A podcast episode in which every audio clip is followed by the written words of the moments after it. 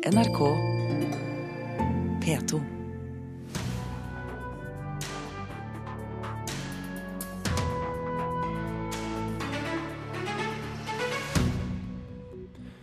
Over én million seere kan miste TV 2 dersom kanalen ikke blir enige med Get om ny avtale innen nyttår. Skurkene er fra Bergen, de omsorgsfulle fra Sørlandet. Stereotypiene lever i, vel, i velgående i barne-TV. Og en av fem norske foreldre vil ikke at barna deres skal tro på julenissen. Vi tar debatten her i Kulturnytt. Dessuten får vi Åsne Seierstad på besøk. Vi skal snakke om boksuksesser og flyktninger. TV 2 og Get er i forhandlinger om distribusjonsrettigheter for uh, neste år. Fristen går ut ved nyttår, og hvis de ikke blir enige, risikerer 1,3 millioner nordmenn å miste TV 2. Det har vært et høyt konfliktnivå i denne sesongen av TV 2-programmet Farmen. Og det er ikke bare i Farmen det er drama, for samtidig truer en stor konflikt i TV-bransjen. TV 2 og Get er midt i distribusjonsforhandlinger, og fristen for å bli enig går ut ved nyttår. Hvis de ikke blir enige, kan 1,3 millioner seere miste TV 2. Striden handler om hvor mye Get skal betale TV 2 for å kunne distribuere TV-konsernets kanaler, og så langt har ikke partene klart å bli enige. Dette bekrefter direktør for samfunnskontakt i Get, Øyvind Husby. Vi er i forhandlinger med TV 2 nå om uh, rettigheter for å sende TV 2. Uh, utover det så har jeg ikke noen kommentar. Forhandlingene pågår, og vi på å fortsette til vi finner en god løsning på av det. Hvis dere ikke blir enige, så er det jo mange som risikerer å miste TV 2. Hva syns du om det? Det er alltid en, en fare for det, men uh, vi fortsetter forhandlingene og er innstilt på å, å, gjøre det til vi kommer til en enighet. Jeg kan bekrefte at vi forhandler med Get nå, uh, og at vi har som mål å komme til en enighet. Det sier kommunikasjonssjef i TV 2 Jan Petter Dahl. Er det spesielt krevende? Slike forhandlinger er alltid eh, krevende. Eh, men eh, vi har tidligere år vært i forhandlinger med både Kanal Digital og Altibox og eh, kommet til mål, og har selvfølgelig et eh, håp om å gjøre det denne gangen også. Se hva som skjer. Reporter her, det var eh, Mari Sand Malm. Dialekter preget har preget barne-TV siden staten, det sier språkforsker Agnete Nesse. Og noen stereotypier har vokst frem. Sørlandskvinner f.eks. er ofte omsorgsfulle, trøndere er ofte tullete, og bergensere de får ofte skurkerollen. Og det kan du glede deg til å høre mer om, om, litt, for vi har litt problemer med å få satt den i gang. Men det var ikke så mye som skulle til før den var på plass. Kvist, vi ble nettopp angrepet av en bergenser. En bergenser? Den tok alle sammen. Du gjør som julenissen bestemmer. Ellers kan du ha deg ut på vidda. Nei da! Skynd deg, Ludvigsen. Det har begynt. Hva sier du? Smaker det godt? Er deigen god, så blir bollene gode. Hvis det er slemme og ubehagelige personer, så bør de kanskje ikke ha en dialekt som veldig få folk snakker. Det sier Agnete Nesse, professor i språkvitenskap ved Høgskolen i Bergen. Hun er ikke ukjent med å høre sin egen dialekt på film og TV, og da ofte i skurkeform. Det kan jo ha noe med det å gjøre altså at bergensere da lett kan brukes, fordi det er veldig mange bergensere. Og kanskje også en stereotypi om bergensere er at vi liker å bli omtalt og liker å bli hørt. Og det er ikke så farlig om det er positivt eller negativt, så lenge vi får være, får være hørt. Når folk på gaten i Oslo blir spurt om hva for dialekt som høres ond ut, da er det spesielt én landsdel som kommer uheldig ut. Jeg tenker jo, jeg tror de som bor på Vestlandet generelt er sånn kaldere, da, følelsesmessig. Stavanger-dialekt. Hvorfor det? Jeg vet ikke, Det er bare den, det er den eneste dialekten jeg ikke liker. Nei, Tromsø. Det er de som skarrer. Skarredialekt. Og det er de som skarrer, som er skurkene i NRKs julekalender Snøfall. Den som tar på steinen og lar seg fylle med det onde, kan gå uskadet gjennom sovetåka. At skurken Vinter snakker bergensk, er lett å fange opp. Men at julenissen også spilles av en bergenser, nemlig Trond Høvik, det er det ikke lett å høre. God morgen! snøfall. Fikk frie tøyler. Jeg kunne for så vidt ha snakket bergensk, da, men i og med at uh, Vidar Magnussen som vinter, antagonisten, spiller på bergensk, og Rutte bergenser Hvis at julenissen også er bergenser, da tror jeg det det blir den berømte dråpen for de dalstråka innafor. Da kommer ikke de til å betale fjernsynslisens. Regissøren bak 'Snøfall', Synne Kjelstad Teksum, hun sier at det var tilfeldig hva for dialekt de ulike karakterene endte opp med. Uh, og det vi har ønska oss, var egentlig bare at vi hadde et mangfold av dialekter. Så vi ba folk uh, beholde den de hadde. Uh, bortsett fra Trond Høvik, som da selv snakka østlandsk. Han valgte selv å snakke østlandsk. Jeg har jo mine oppfatninger om ulike dialekter, jeg også. Fordommer, kan du kalle det det. Fordommer eller ikke, av og til er det helt andre ting som avgjør hva for dialekter vi ikke liker. Hva er den, hva er den ondeste dialekten? Ondeste? Ja. Jeg vet ikke om jeg skal kalle de fra Vestlandet onde, men det er masse jeg ikke skjønner i hele tatt fra sånne vestlandsdialekter. Det, men du kan kanskje ikke kalle dem onde. Nei. Nei. Nei, kan kanskje ikke det. Reportere her, det var bergenseren Hanna Huglen Revheim og nordlendingen Oddvin Aune. Hver femte norske forelder vil ikke at barna deres skal tro på julenissen. Det fortalte vi på Dagsrevyen i går kveld. Det er flest menn, nordlendinger og vestlendinger, som ikke vil lure de små. I lekebutikken Vrimmel i Oslo leter en mor etter gaver til sine tre barn. Og pakkene skal deles ut av julenissen. Nei, jeg syns jo det er litt uh, spennende å opprettholde den spenningen med at barna har en uh, tanke om at det fins en julenisse. Femåringen min har knekt uh, Altså, hun har skjønt det. det er morfar.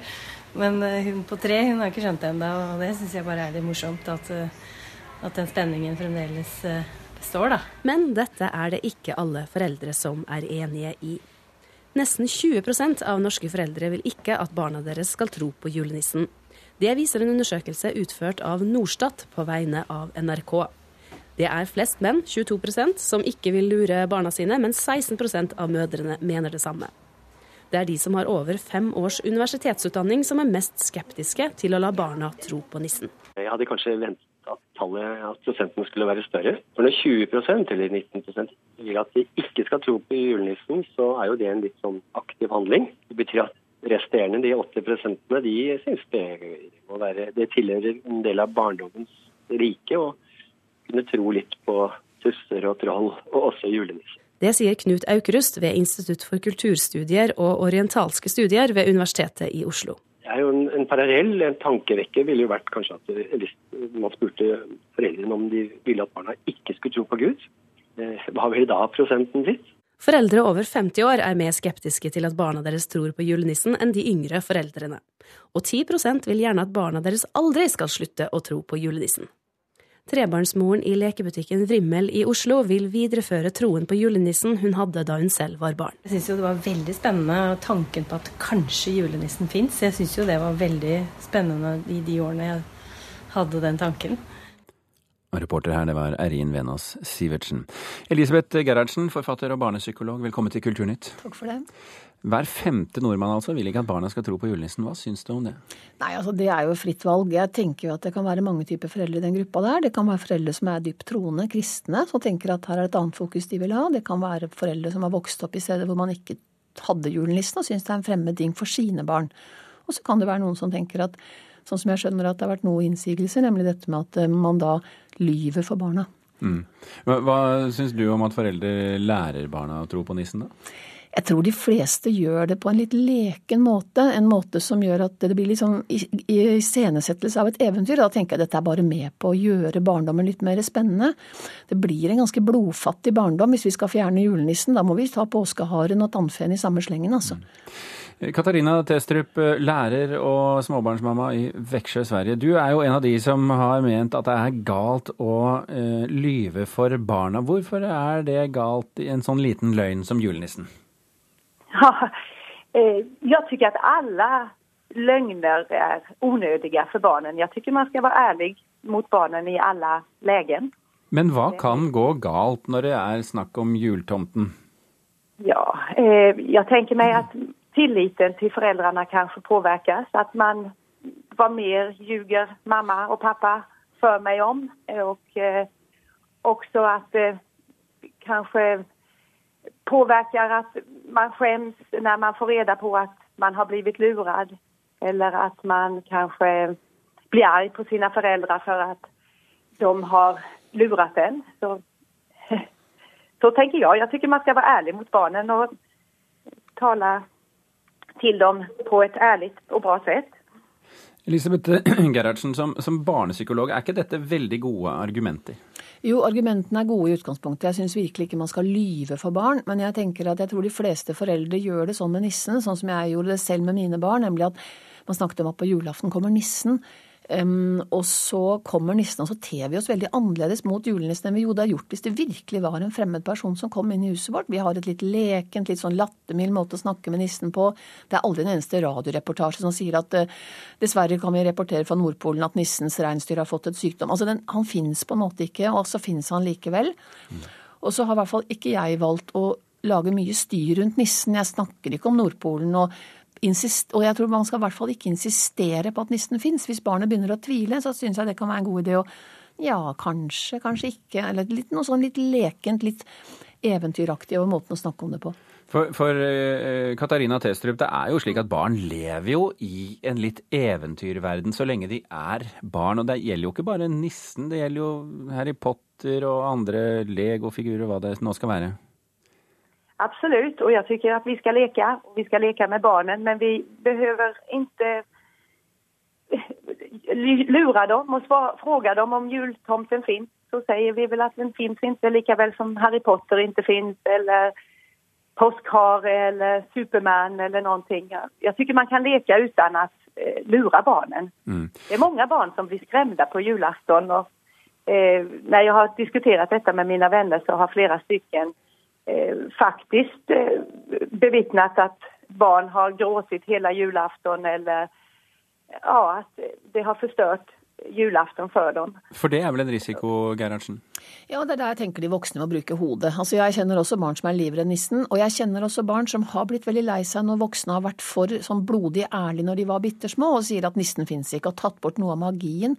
Men en litt sånn snill, rolig nisse, det tror jeg de færreste blir skremt av. Og så er det også en viktig ting, syns jeg, ikke press barna til å klemme nissen. Vi er jo vanligvis ganske skeptiske at barna våre skal gå bort og klemme fremmede, særlig menn som driver og gir de ting. Så la de få ha en skepsis.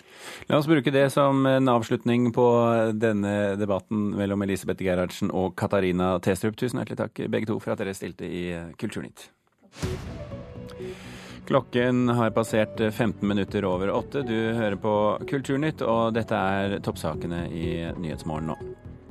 Tolv mennesker døde og 48 skadd etter at en lastebil kjørte inn i en folkemengde på et julemarked i Berlin i går kveld. Nav frykter at menn fusker til seg sykemelding i frykt for å bli arbeidsledige. Og en mann er død etter å ha falt fra et hotellrom i Larvik. To personer er pågrepet. Vi får se hvordan julesalget går, men Åsne Seierstad ligger an til å bli årets mestselgende forfatter. I fire uker har den nyeste boken hennes ligget på toppen av bestselgerlisten, og er så langt trykket opp i over 100 000 eksemplarer. Og nå er den sågar eh, på vei ut i verden den også, får vi si. Åsne Seierstad, velkommen til Kulturnytt. Tusen takk. Hva er siste oppdatering? Hvor mange land har nå kjøpt rettighetene? Nei, altså det er vel et titalls land, tror jeg. Ja, jeg er ikke helt oppdatert faktisk selv. Nei. Dette er jo ikke den første gangen du skriver en bestselger. Har du knekket koden? Nei, egentlig ikke. Eller jo. Eh, koden er å skrive om noe du syns er viktig selv, noe man er opptatt av. Eh, og jeg har skrevet seks bøker, og det er vel to av dem som har blitt bestselger. ikke sant? 'Bokhandelen i Kabul' og denne her, 'To søstre'. Alle de andre bøkene mine har gått eh, ganske bra, og de har nådd til de leserne som ønsker å lese om da, Irak eller Serbia eller Tsjetsjenia eller de andre landene jeg har skrevet om. Men hva som gjør det til Altså det som jeg tror eh, gjør noe, til, altså noe som virkelig slår an, så må det både være Det må være no, et tema folk er opptatt av. Samtidig som det må være skrevet spennende. Eh, det holder ikke bare at det er et viktig tema. Eh, det er mange bøker med viktige temaer, men det at den kombinasjonen av at det, det tydeligvis eh, møter et litt sånn et behov om å lære seg noe, da, og her er det radikalisering er jo blitt De siste tre årene er jo blitt noe som vi lurer veldig på. Hvordan er det mulig at eh, man velger å si fra seg alle de frihetene eller de mulighetene eller det vi tenker i Vesten at eh, er et godt utgangspunkt for et liv. eh, Men, men tenker du på det når du skriver? Ja, altså ja, fordi at denne boken her har vært kanskje den boken som har vært mest sånn detektivarbeid av alle mine bøker. Eh, De andre har vært mer sånn reise ut i verden eh, og finne ut hva som skjer hos de andre. Her har jeg gått hjem til oss, akkurat som jeg gjorde også i forrige bok om eh, 22. juli. Men eh, at eh, her har jeg rett og slett måttet liksom snu og vende på alle biter av opplysning som jeg har fått. eh, intervjuet utrolig mange for å prøve å forstå det. Fordi hovedpersonene selv har jo ikke ønsket å bidra. Eh, Så her har vi på en måte eh, Hvem er best plassert for å skrive, om, eh, skrive historien om seg selv? Er det de som kan fortelle selv, eller er det å høre hva alle mulige andre rundt dem ville sagt? ikke sant? Hvordan har de oppført seg? Hvordan har dere sett utviklingen? Og så hadde jeg også tilgang til alle deres papirer og bøker og notatbøker og eh, ja, eh, eh, hva skal man si, altså det de så på på YouTube, på mail, altså den type ting, og på chatlogger. Så, så sånn sett så har jeg vært litt sånn eh, ja, detektiv. Den, den uh, siste boken din blir en salgssuksess. Det betyr også at du tjener ganske mye penger på den. Men du har også bestemt deg for å dele fortjenesten. Um, hvorfor det? Ja, det er noe som jeg egentlig har gjort med alle bøkene mine. Jeg begynte med bokhandelen i Kabul, hvor jeg bygde en skole i Afghanistan. eh, Og et bibliotek eh, og en barnehage. Eh, Og nå har jeg opprettet, eller jeg gjorde det med forrige bok, en stiftelse, En av oss, hvor hele inntekten til en av oss, den forrige boken min, eh, gikk til, eh, skal gå til hjelpearbeid og utvikling. Så nå har vi gitt ut, eller eh, fra den royaltyen min, så har jeg gitt ut ca. 2 millioner kroner. Og nå er det 100 000 kroner som går til Flyktningerådet, eller Flyktninghjelpen, som driver både nødhjelpsarbeid, men også utviklingsarbeid i Syria. Og det som er viktig for meg, er jo nettopp det å fokusere på barn, eh, og at de også i flyktningleirene får eh, skolegang, slik at de også får en fremtidstro og et håp. Fordi livet i Syria, selv om det er vanskelig å tro det nå, skal faktisk gå videre, og det landet skal bygges opp igjen. Åsne Seierstad, takk for at du kom til Kulturnytt.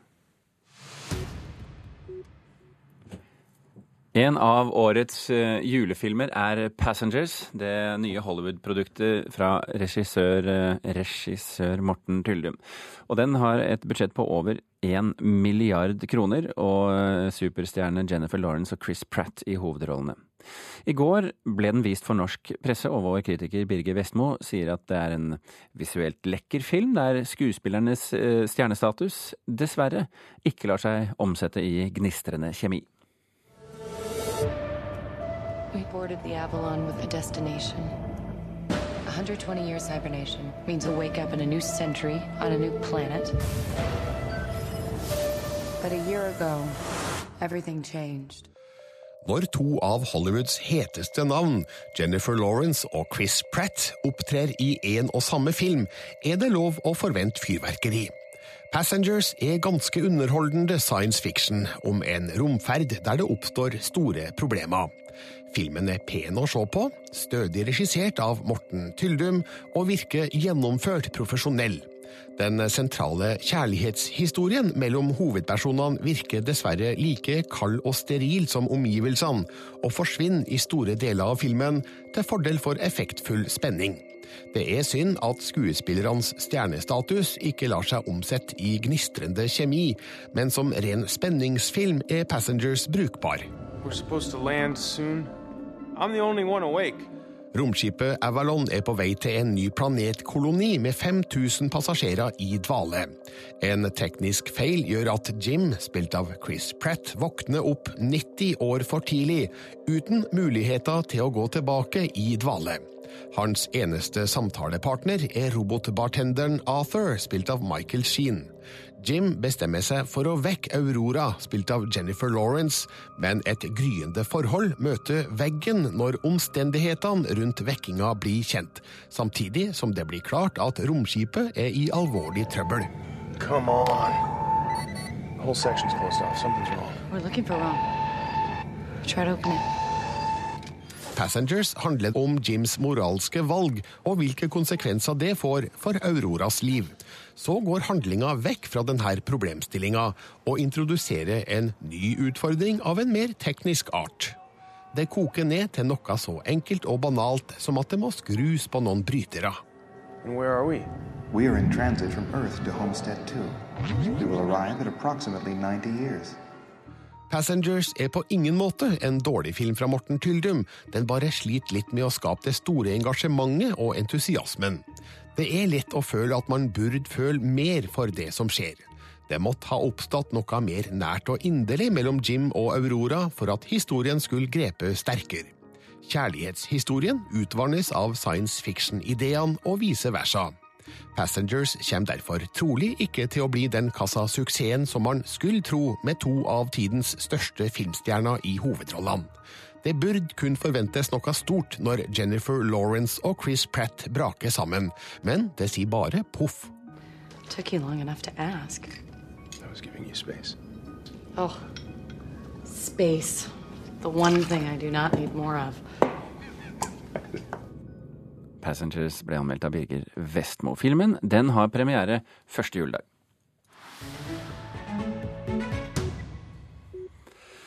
I går så startet vi oppsummeringen av kulturåret med TV-serier. I dag fortsetter vi med litteratur, og med oss på laget for å hjelpe oss har vi NRKs eminente litteraturkritikere. Anne Katrine Straume og Knut Hoem. Velkommen, begge to. Tusen takk. Hvis dere nå skulle Dette er jo selvfølgelig urettferdig, men jeg sier det likevel. Hvis dere nå skulle gi én bok til hver eh, av vennene deres til jul, og velge ut én bok som alle skulle få, hvilken roman fra 2016 ville dere valgt? Du spør så vanskelig. Ja. Én bok, ja, men da får jeg ta en norsk roman. En bitte liten norsk roman som heter 'Bungalow', av, skrevet av Inghild Johansen. Og det er en eh, liten roman som er nesten som en, en samling korttekster, prosatekster, eh, som handler om livet, rett og slett. Det er en kvinne midt i livet som snakker om sin mor, forholdet hun hadde til moren, som nå er død. Hun snakker om mennesker hun har møtt, erfaringer hun har gjort. Det er ikke en handlingsdrevet eh, roman, men en heller sånn refleksiv eh, roman. Veldig, veldig fin, helt ned på setningsnivå. 'Bungalow' heter den. Ingrid Johansen har ikke skrevet så mange bøker. Hun kommer med en bok sånn hvert fjerde-femte år, men er en kresen forfatter. Og det tenker jeg er en bok som mange kunne hatt glede av å lese. Ja, Knut? Jeg kan bare legge til at det er en bok som det snakkes om rundt omkring. Hvor? Bungalow i det litterære miljøet. Ja, ja. Det snakkes om den. Ikke på fotballbanen, liksom? Det kan godt hende snakkes der, og hva vet jeg. Nei. Men jeg tenkte jeg skulle ta, fre, ta frem en, en annen en som eh, satte meg litt ut av spill litt grann tidlig i høst. Det er romanen 'Et helt liv' av sveitsiske Robert C. Thaler. Hvis man tenker liksom at det har vært veldig mye virkelighetsnært og sånn i, i høst, så gå, tenker jeg skulle gå litt for virkelighetsflukt. For det at Andreas Eggers, som er hovedpersonen her, han eh, vokser opp eh, i de sveitsiske alpene eh, på begynnelsen av det forrige århundret hos en mannevond fosterfar som banker han jevnlig med et hasselris. Men så møter han Marie da i voksen alder, og det blir fylt med en helt annen type smerte, som eh, siger inn i overarmen hans og i skulderen og i brystet, og så til slutt så setter Marie seg i hjertemuskelen hans. En kjærlighetshistorie, med andre ord. Et kjærlighetshistorie som du ser i boken, veldig tynn. det er og så heter de. den Et helt liv. Og det er jo kommet ut en bok i år som er veldig mye tykkere, som heter Et lite liv, som er tre ganger så tykk. Og så er det kommet en bok som heter Et godt liv, så det er akkurat dette med liv er jo en trend da i år. Men, men ja, for det var det jeg skulle spørre om. På hvilken måte er disse to bøkene eh, en eller annen form for tegn i litteraturåret 2016? Det er faktisk en del som skriver i et kortere format nå. Eh, altså Du har begge deler. da. Jeg har med en bok jeg kan si noe om etterpå, en kjempetjukk en. Men, men Monica Isakstuen, ikke sant, som fikk uh, Brageprisen for 'Vær snill med dyrene', det er jo også en roman som består av korte, små tekster. Den er ikke så veldig lang. Um, noen har funnet en mer konsentrert form. Eh, som kritiker så blir man jo glad for det, men det kan også være fint for en leser å ikke alltid skulle pløye gjennom de ja, du peker nå på den tykke. Ja. Den jeg har med, det er Oran Pamuk, nobelprisvinneren fra Tyrkia, 'Noe fremmed i mitt sinn'. Og hvis jeg skulle hente frem én stor utenlandsk oversatt bok, så tenkte jeg at det er en bok som er så aktuell. Eh, altså Det skjer så mye i verden i dag, ikke minst i Tyrkia. Det strammes inn. Eh, hvordan går det med demokratiske rettigheter? Dette er en historie om Mevlut, en eh, gateselger som kommer fra landsbygda inn til Istanbul som 12-13-åring for å leve som gateselger. Han selger yoghurt og en sånn drikk som heter bosa, som man krangler litt om. Er det litt alkohol i, eller er det ikke? Må man påstå, Nei, det er vel egentlig ikke det. Men så er det det likevel. Ja, i hvert fall så handler det om tradisjoner. Det er en kjærlighetshistorie, det er en feministisk historie. Og det er en historie om å på en måte beholde en verdighet, en anstendighet, i en, liv, eh, i et, eh, en verden som er mer og mer korrupt. Mm. Eh, Knut, eh, den, hva ble den store snakkisen? Du snakket om at de snakker om denne boken din, men hva ble den store snakkisen i Litteratur-Norge 2016? Det var jo helt klart debatten rundt Vigdis Hjorts roman 'Arv og miljø'. Og kritiker i Aftenposten Ingunn Øklands spørsmål om hvor mye av romanhandlingen som baserte seg på faktiske forhold og faktiske familieforhold og forhold mellom forfatteren og hennes far. Var det en viktig debatt i Norge? Ja, det var en stor og vesentlig debatt. Ja, jeg vet at den var stor, men var den, vil du si at den var viktig? Ja, jeg syns det. Jeg syns at det var en vesentlig Det er viktig å diskutere etikk også i, i litteraturen. Det var en debatt der to samtaler gikk litt parallelt. Det ene er den journalistiske debattsamtalen, og så er det på en måte den dikteriske språket. Og de to samtalene er veldig, veldig forskjellige. De snakker på veldig ulike måter.